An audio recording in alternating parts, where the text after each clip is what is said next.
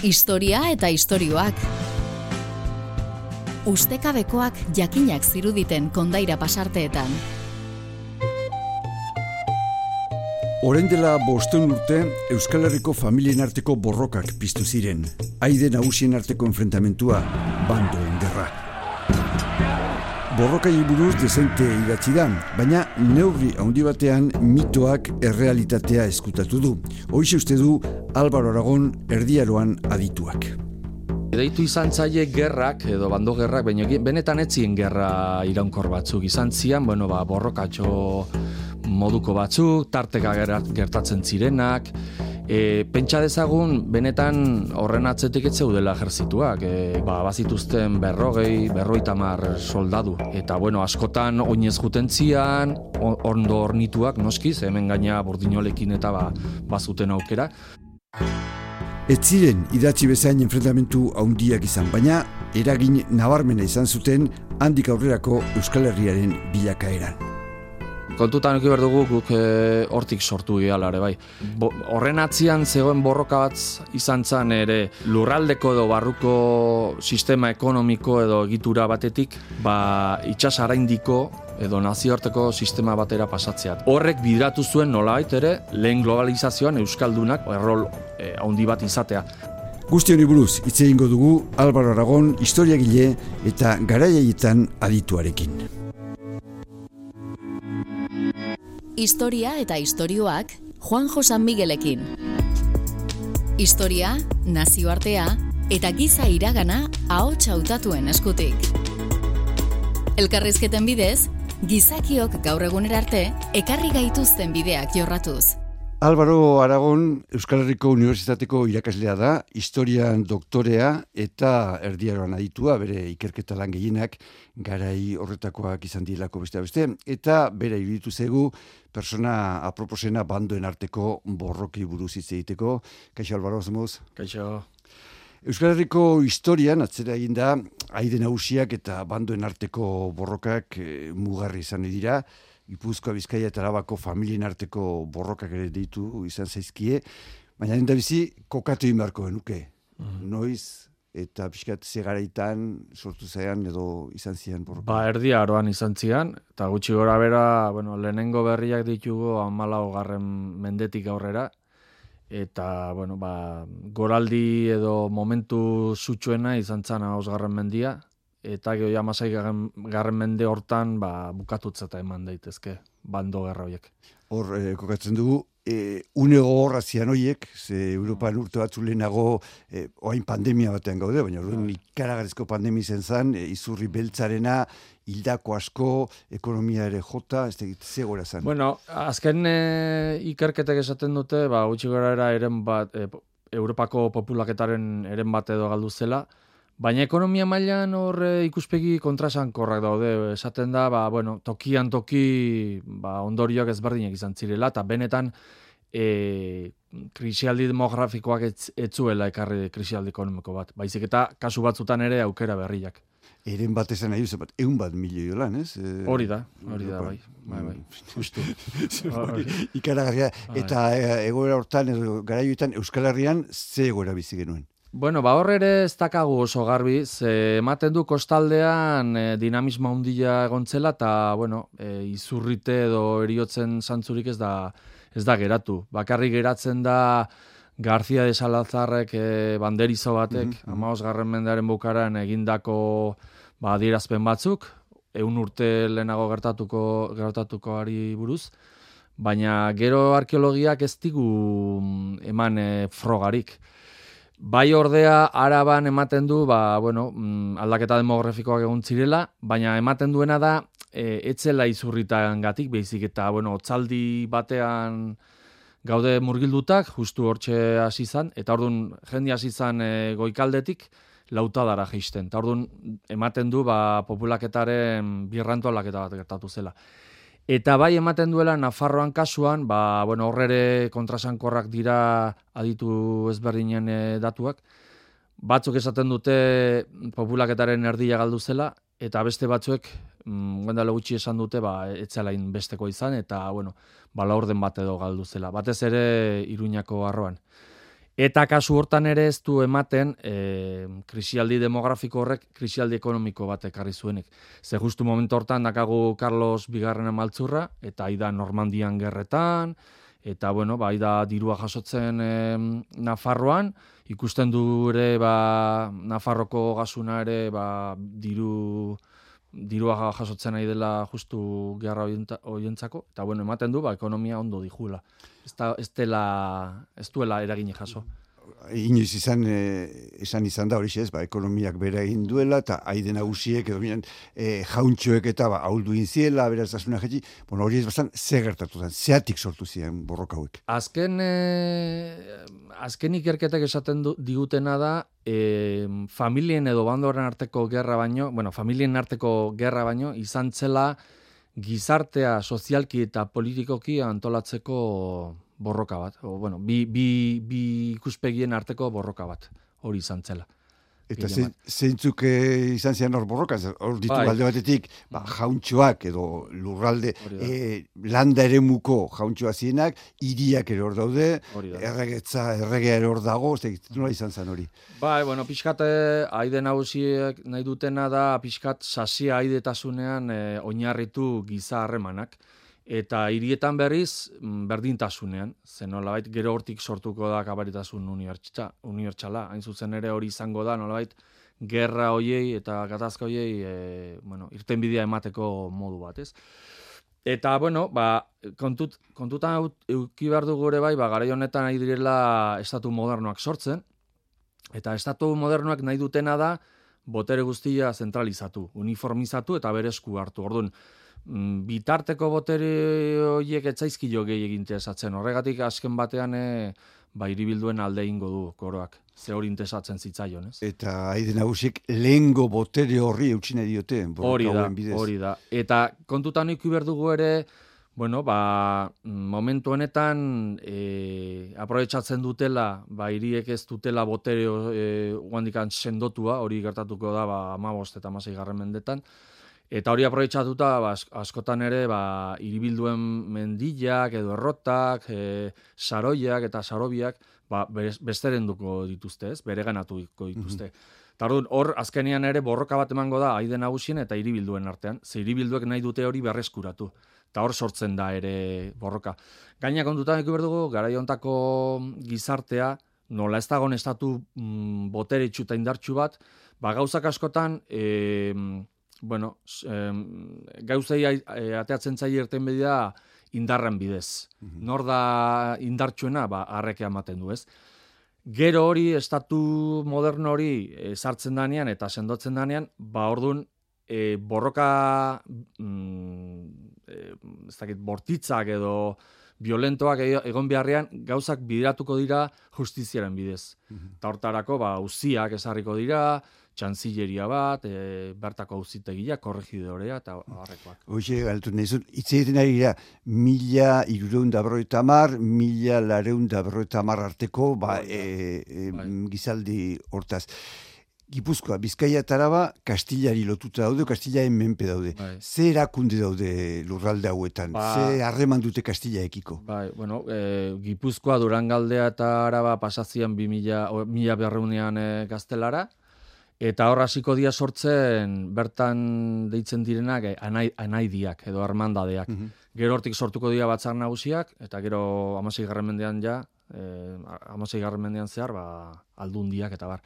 Orduan ordura arte hoiek sortzen nahi dira. Orduan da momentu bat noiz aide nagusik eta armandadeak ba bueno, nahiko orekatuak dauden ta horrexegatik sortzen dira inbeste borrokaz. Eta, bueno, e, Bizkaia dakigun moduan jaure, jaure herria da, e, arotarren eskuetan egongo da mila irurun da irurita maostarte, orduan txepasako da gaztelako Enrique Erregaren eskuetara, eta handik aurrera baina gaztelara zuzenian lotutango da. Eta Nafarroaren kasuan, ba, bueno, e, hor dakaguna da, Nafarroa bandikan e, erresuma independiente bat dela, Baina momentu horretan ja hasiko da pixka bat, e, bueno, ba, Frantzian erresumaren edo gaztelan erresumaren e, inguruan ibiltzen, ez? E, hor gehatu da pixka, gehatuko da pixka pilatuta biden, bien artean. Esan duzunagatik gaur egungo erakunde batzuk urti joetan dute jatorria edo hasiera, ez da? Bai, bai, bai, hain, hain zuzen ere, Gipuzkoako batzar nausien lehenengo, edo ustez, e, lehenengo bilera edo, izan zan e, getaiko San Salvador parrokian, mila irureunda laurita mazazpian, bost urte lehenago ospatu ziren e, lehenengo batzar nagusiak e, zean e, bizkaian. Eta araban pixka berandu, berante arragoa izango da, mila lareunda iruroi ingurun. Orduan ikusten dugu testu inguru berdinen gertatzen ari direla gauza guztiak. Hori politikai daukionez, baina bueno, urte horietan hemen jendea nola bizi izan? Ze lanbide zeuden, ze jaten zuten, pixkat zein da bizi modua? Bueno, e, gaur egun ikusi dezakegun modun, ba, klimak ere asko eragiten du, eta orduan, eta bueno, e, leku menditsua da guria, Eta orduan jarduera nagusienak kostalde aldian zian gehien bat eh, ontzi gintza eta burdin gintza. Horrek ez du esan nahi, ba, bueno, etxe hola nekasaritza eta abeltzantza. Eta gero barruan, araban eta nafarroan, ba, gehien bat nekasaritza eta abeltzantza dute, dute indarra. Adibidez, e, garai horretan, ba, bertako jaten zutena izaten zan, ba, bueno, e, edo laborantza gai nagusienak zian garilla, hartatxikilla, e, oloa, geogaztainak ere, eta gauza garrantzitsu bat eh, gurian ere, ba, sagardo gintza, sagardo asko kontsumitzen zan, eta bueno, ba, horrek esaten dute bideratu zuela gaur egun ezagutzen dugun baserrien forma, eta nolabait baserriak tolare edo bihurtu zirela, eta batez ere ba, hori, abereak eta nekasaritzan aritzeko moldatu ziel. Historia eta istorioak. Itza, hotxa, eta soinua. Gaur egun ezautzen ditun baserriak ere gutxi gora bera e, garaio eta sortu zian, ez? Hori da, hori da. Ordura artekoak ez dakigu oso ondo nolakoa zian, bueno, e, badakagu adibide bat horre esku itxason, e, igartu behiti. Mhm. Eta horre indako induzketetan, ba, ematen du olako zulo borobila zela, eta, bueno, ba, egurrez egindakoa.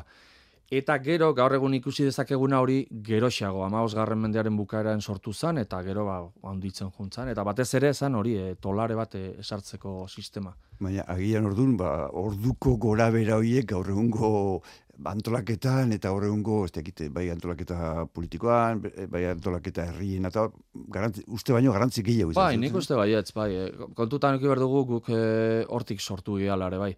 Nolabait hor ere pixkat e, horren atzian zegoen borroka bat izan zen ere nolabait e, lurraldeko edo barruko sistema ekonomiko edo egitura batetik ba, itxas araindiko edo nazioarteko sistema batera pasatzea. Eta horre ere, ba, bueno, talkak ematen aizian, da borrokak, eta azken batean nagusitzen dena, da iri, iritarrek edo iribilduek ordezkatzen duten sistema eta, bueno, lehen esan dugun moduan, ez, ba, e, lurraldea sozialki eta politikoki antolatzeko.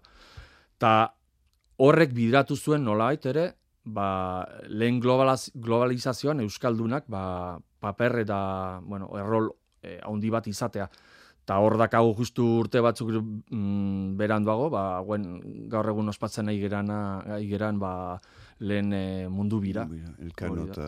Hori ezin dugu lertu, ez ba dugu lertzen e, atzetik gertatu ziren borroka horiek, ez? E, aide nagusien eta hirien artean.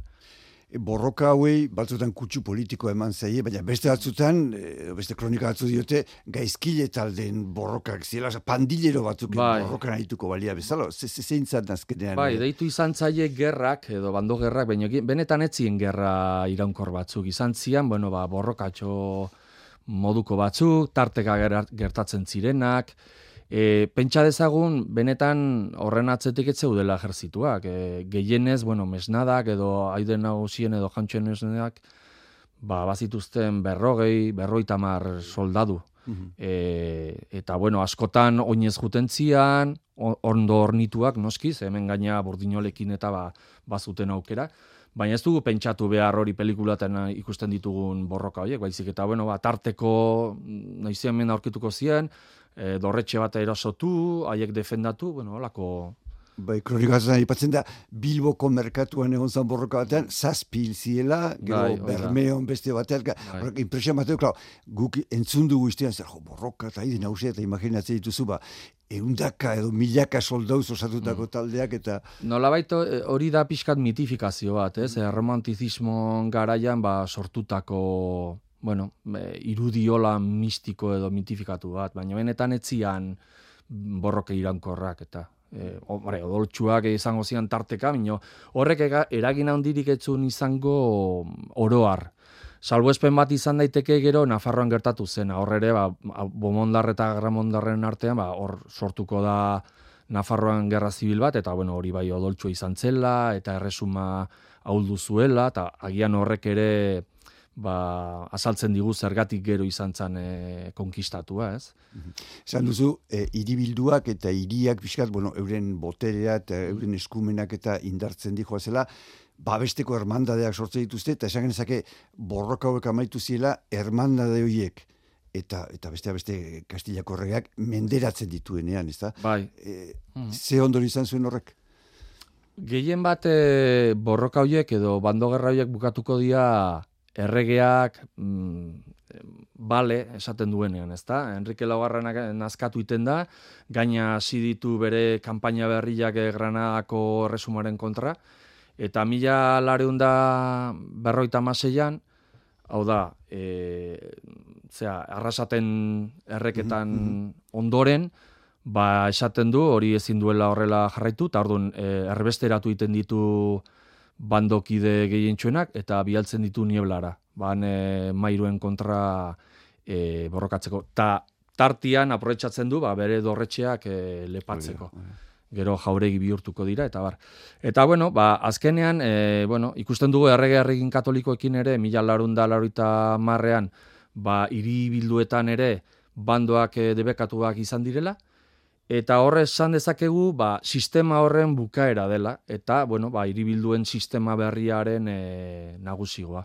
Eta hortik aurrera, ze antolak eta klasetorri izan, hau da, ze harreman izan zuten hortik aurrera, hiriek, jauntxoek, mm. nekazal giroko...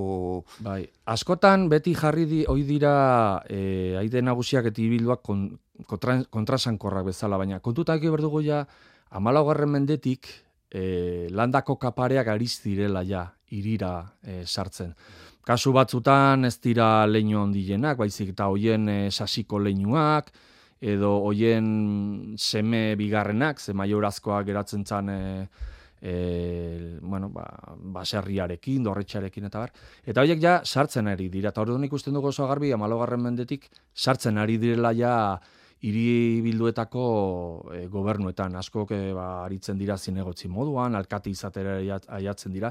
Orduan oso lotura handiak di- daude. Eta justu bando gerrak bukatzen diren hortan, aide nagusi horiek zeingo dute? Ba, hasiko dira hiribilduetako merkatari e, letradun eta bueno, administrazioan aritzen diren e, leinu berri hoiekin elkartzen e, eskontzan bidez.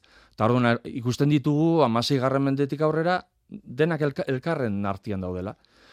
Eta inkluso e, ematen da kasua amazazpi garren mendean Zarauzko jaunaren ondorengo batek eskuratzen duela Gipuzkoako aldundia. Hau da, nolait, bueltatzen dira ja, e, bueno, ba, e, mm, probintziako boterera. Osea, betikoak agintzen jarritu zuten. Bai, asimilazio bat izan zen, benetan. E, hasiera batean, bueno, ba, sistema berriaren aurrean atzera intzuten, ez? Borroka intzuten horren aurka, baina gero nik ustut konturatu zirela horren aurka ezin zutela egin, gaina errege atzian zehola. Eta orduan, onartu zuten, asimilatu intzian, eta hemendik aurrera hasiko dira adibidez, ba, Espainiako armadaren, e, armadan zerbitzuan. Ze bere, bere nola, ibilbidea eta bere lanbidea hori izan, ez? E, gerran aritzea eta armak, e, armakin borrokatzea. Hortik aurrera, urteiotatik aurrera, hori izan duzula, Euskaldunon, Euskaldunen e, protagonismoa Espainian da Kastillan oso handia da, eza, armagintza, zalantzai gabe, armadak baita, eskribaoak ere asko ziran, da. e, navegazio kontutan ere, bai, eta hortik aurrera badago e, Bai. parte hartzea hundi bat, ez? Bai, hor, e, leheno aipatu dugun prozesu hortan, amalogarren mendetik aurrera ikusten dugu, e, pixkanaka pixkanaka e, iribilduetan bertako boterea eta gobernua monopolizatzen edo menperatzen dutenak gehientsuenak direla e, leinu hoietako bigarrenak, askotan merkataritzen aritzen direnak, edo errege administrazioan postuak eskuratu dituztenak. Ta horredun, pixkanaka, pixkanaka egiten dutena da, e, tokian tokiko boteretik salto eman provintzi edo jaurerri edo erresumarako e, boterera, eta gero handik gortera egiten dute. Eta horren abide piloa ditugu, ba, gurian abiz idiak ez tarrak, ez, hor santelmon mm daudenak, edo geho lazarra gatarrak, edo erasotarrak, edo jende pilo bat hasiko da e, Espainiar eta, bueno, gaztelarre monarkiarako e, lan egiten. Bai. Eta Euskal Gaina protagonismo berezi izan zuten, bai, ba, bai e, Arabien kontako borroketan, Amerikako konkistan, da, da bai. Eh? Hor, askotan ez da esan, baina oso garrantzia hundi, e, garrantzia handia dauka e, ba, Euskal, Euskaldun leinu hoien bigarren hoiek, nolabait hemen geratu ezin, e, e, e, ezinean zebiltzenak, ba, salto eman dute kanpora. Osea, behartuta daude kanpora joten, eta askotan, asko egingo dutena, bere gurasuk bialita eta, izango da, ba, unibertsitatetan e, ikastea ba, letrak, matematikak, e, zuzen bidea, eta askok ikusten ditugu justu momentu honetan, ba, dibidez, e, Coimbran, Lisboan, Valladoliden, Salamankako unibertsitatan, ba, formakuntza hori hartzen. Gero, formakuntza hori e, hartu dutenean, bueltatzen dira, eta menperatzen dituzte bertako botereak, eta gero, salto ematen dute gortera. Historia eta istorioak aintzinakoak gogoratu eta gaurkotuz. Lehen Nafarro ipatu duzu, esan du Gipuzkoa Bizkaia eta Araba mm. Kastilla hilotuta daudela, Nafarro hendik erreinu edo erresuma independentea da, egoera hontan, borroka honetan, ze parte hartu zuen, zein zen egoera Nafarroan gutxura bera? Ba, Nafarroa, nik esango nuke pixka taulduta zehola. E, ta, argi esango dut. E, Gaztela edo Frantzia mm, prozesu, indartze prozesu hortan ari zirela, baingo dutena da e, ogasuna zentralizatu eta ejerzito profesional bat sortu, ez? Eta Nafarroak ezin izan zuen hori egin. Ogasun finko bat, bai, e, sustatu zuen, lehen aipatu dugun amalogarren mende hortan, baina ejerzito finkorik ez zuen izan. Eta orduan, e, gaztelarrak sartu zirenian e, mila, mila ba, ez zuten ila etxairik izan. Ze Nafarrek ez zuten, e, e, ez zuten benetan e, ejerzito moderno bat. Eta bueno, ba, hori hori horrela, ba, Nafarroa pixkak geratu zen pilatuta bi estatu nagusien artean. Kontutan eduki dugu momentu honetan e, arierotasun nagusiena izango dela Espainia edo Gaztela eta Frantzian artean. Da orduan Nafarroa bertan geratu zen, ez etzekila oso ondo oreka nola mantendu, ez? Eta borroka horren ondorioz, mila bostun da, da mabian... Hori da, bai, aurretik emango da gerra zibil bat, eta gerra zibil hori aproetxatuta, ba, gaztelarre bomondarrekin ingo dute tratu modukoren bat, eta azkenean ba sartuko dira eta bueno hori esan bezala ba ez zuten etxeirik eh, aurkitu egia zen. Mm. Hitz egiten dira erdiaroaren amairaldera 14. mendean bukaera hortan feudalismoa eta noblen nagusitasuna, hautzen ari da, iribilduek eta hiriek ba, indarra lortu dute, bueno, mundu berri bat sortzen ari da, ezta? Ze zaugarri ditu mundu berri horrek? Bueno, mundu zahar horrek feudalismoan oinarrituta zeona, e, zenbait berezitasuna baditu e, Euskal Herrian. Ze hemen Frantzian ez bezala, jaunak edo mengo jauntxok e, e, askotan esaten da zirela jaunak jaurgori gabekoak. Mhm. Baina egia da gero ba rentako horretzen zituztela, e, jurisdikzioa ere aplikatzen zutela, patronazko laikoa edo ere ezarri zutela, eta hori dela eta ba, bazuten aukera ba, bere parrokiko apaizak e, aukeratzeko. Mhm. Eta mundu hori pixkanaka pixkanaka joango da desagertzen. Naiz eta, bueno, denbora luzean mantendu, ez? E, patronazgo laiko horiek ila emazazpi, emezortzi garren mendera arte mantendu zian. Mino, mundu berri hori ezberdina da, da estatu modernoen e, oinarrituta dago, eta orduan, estatu moderno hortan esango genuke instantzia, boter instantzia guztiek estatalizatu egiten direla nolabait. Garai batean e, pribatuak ziren ejertzituak pasatzen dira erregearen ejertzito izatera. E, justizia mailan tokian tokiko e, auzitegia zirenak, guain pasako dira erregearen auzitegia izatera. Erregeare, hemendik aurrera, txamponak egingo ditu. Bueno, dena zentralizatu iten da, eta mundu ezberdina, ezberdina da. Mhm.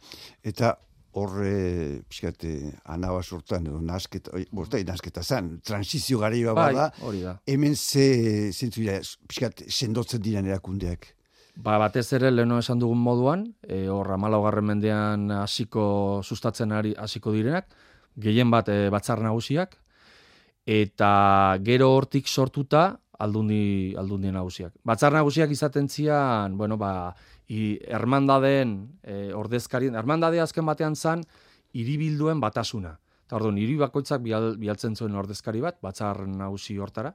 Batzar nagusiak normalean urte bete edo, barkatu, urtean behin edo bi urtean edo urtean bitan egiten ziren. Eta gero, tarteko arazo guzti horiek gero eta maizago gertatzen direnak, ba, e, irten teatzeko hoiei, ba, esaten dute, ba, hemen izan, beharko, izan behar dugu erakunde iraunkor bat. Eta horrela sortzen dira, adiez Gipuzkoan mila bostunda berroita marrean, e, aldundi, aldundiak.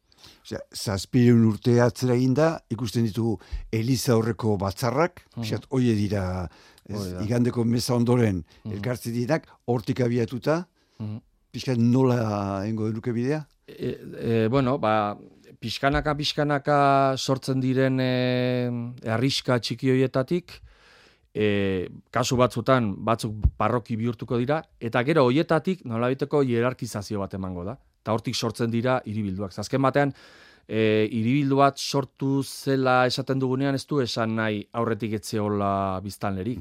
Biztanliak badaude, baina aldatzen dena da bere e, bueno, izakera juridikoa. Mm, iribildua izatea esan nahi du ba, privilegioak dituzula, e, aldi berean ere arresiak e, eraikitzeko aukera kazula, eta bueno, ba, bertara etortzen dire, bizitzera etortzen diren biztanleak, ba, baita salbuespen e, fiskalak ere izate dituzte. Eta orduan, bueno, ba, bizkanaka, bizkanaka, horiek indartzen juten dira, e, lehena aipatu dugu nahi nagusien gainetik, eta azkenean ba, sortzen dituzte bere erakunde propioak, nolabait bere burua defendatzeko eta hori egiteko eta erregeak eman behar baimena. Hori da. Hori da. E, zaude, hortika, hortik Euskal Herria, mugimendu guzti horretatik e, nola atea Euskal Herria, indartuta, haulduta, erain gehiago du, nola Ziara indartuta. Osea, e, Euskal Lurraldeak momentu ontatik aurrera estrategikoak izango dira, bai Frantziako koroarentzat eta bai Gaztelako koroarentzat. E, hain zuzen ere, e, e, Euskal Lurralde gienek e, eskuratuko dituzten foruak sordizkiote e, egoera horri. Hau da, sortzen da hor e, muga diskurtso bat, esan ez, bueno, ba, oso e, lurralde pobrea gea, Orduan, behar, behar ditugun jakileak ez ditugu produzitzen, da orduan importatu behar ditugu. Eta hortarako, eskatzen diogu erregari, ba, e, merkataritza eskatasuna eukitzea. Ze bestela, hemen bizidan jendea ospa egingo du, emigratu egingo du, eta orduan e, babesik gabe geratuko da, soldaduri gabe geratuko da muga, eta orduan ezin izango da gaztelaren edo frantziaren mugak babestu. Eta orduan, hori jakinda, normalean hori da beti aldarrikatzen dutena. Eta e, gaztela edo frantziako erregek onartzen dute. Azken batean, hemen kontutan eki berdugu, e, eraikitzen ziela itxasontziak, puntako marinal genitun, e, burdina hemen ekoizten da, burdina horrekin ere armak egiten dira, eta azken batean, ba, hemen defendatzen da ere ba, muga, Frantzian gandik, edo alderantziz, ez, e, iparralden Espainian gandik. Orduan, bueno, horrekin jokatu zuten, eta nolabait, e, ba, bueno, e, paper nagusi bat izango dute estatu moderno eraketa honetan. Esan, hor, hor, urte gertatu zenak, asko eta onerako agian baldintzatu zuela etorri zan guztia, ez da etorkizuna. Bai, bai, e, e, esan beharra dugu, ba, bai parralde eta bai egoalde, ba, bueno, Frantzia eta Espainiako monarkiaren proiektu hortan sartu zirela, buru belarri, eta jakin zutela bere, nolabait, bere karta jolasten, eta hortik ba etekin handiak e, atea zituztela. Ze egia san ila foroak ezabatu arte, 1876 arte, ba lurralde privilegiatuak izango dira. Hemen e, merkatu franko edo libreak zeuden, e, aduanak genitu barru aldean, ba, adibidez e, Orduñan, Balmasedan, Gasteizen edo Nafarroko tauletan. Orduan, hortaz baliatuz, hemen jarduera agian ez ezagunena, baina garrantzitsuenetako bat izango da kontrabandua. Zekaro, mugan gaude, eta mendik gauzak pasatzea alde batera bestera oso, oso horreixa izango da. Tamen gau jendia hortaz e, baliatuko da, ba, bere aberastasunak egiteko, eta baita noski gero ba, Amerikara juteko. Hasi era, bandoen arteko borrokoi buruz, agian borrokoiek ez zuten horren besteko garrantzi izan, baina urte horietan gertatu zienak, ba, esan dezakegu, eta onerako agian, ba, Euskal Herriaren etorkizun guztia e, balditzatu dutela. Ezta. Ba, Albaro, mila mila esker, zure bazalpen horien eta urrengo arte. Bale, nahi duzten arte. Aio. Historia eta istorioak Juan Josan Miguelekin. Historia, nazioartea, eta giza iragana ahots hautatuen eskutik. Elkarrizketen bidez, gizakiok gaur egunera arte ekarri gaituzten bideak jorratzen.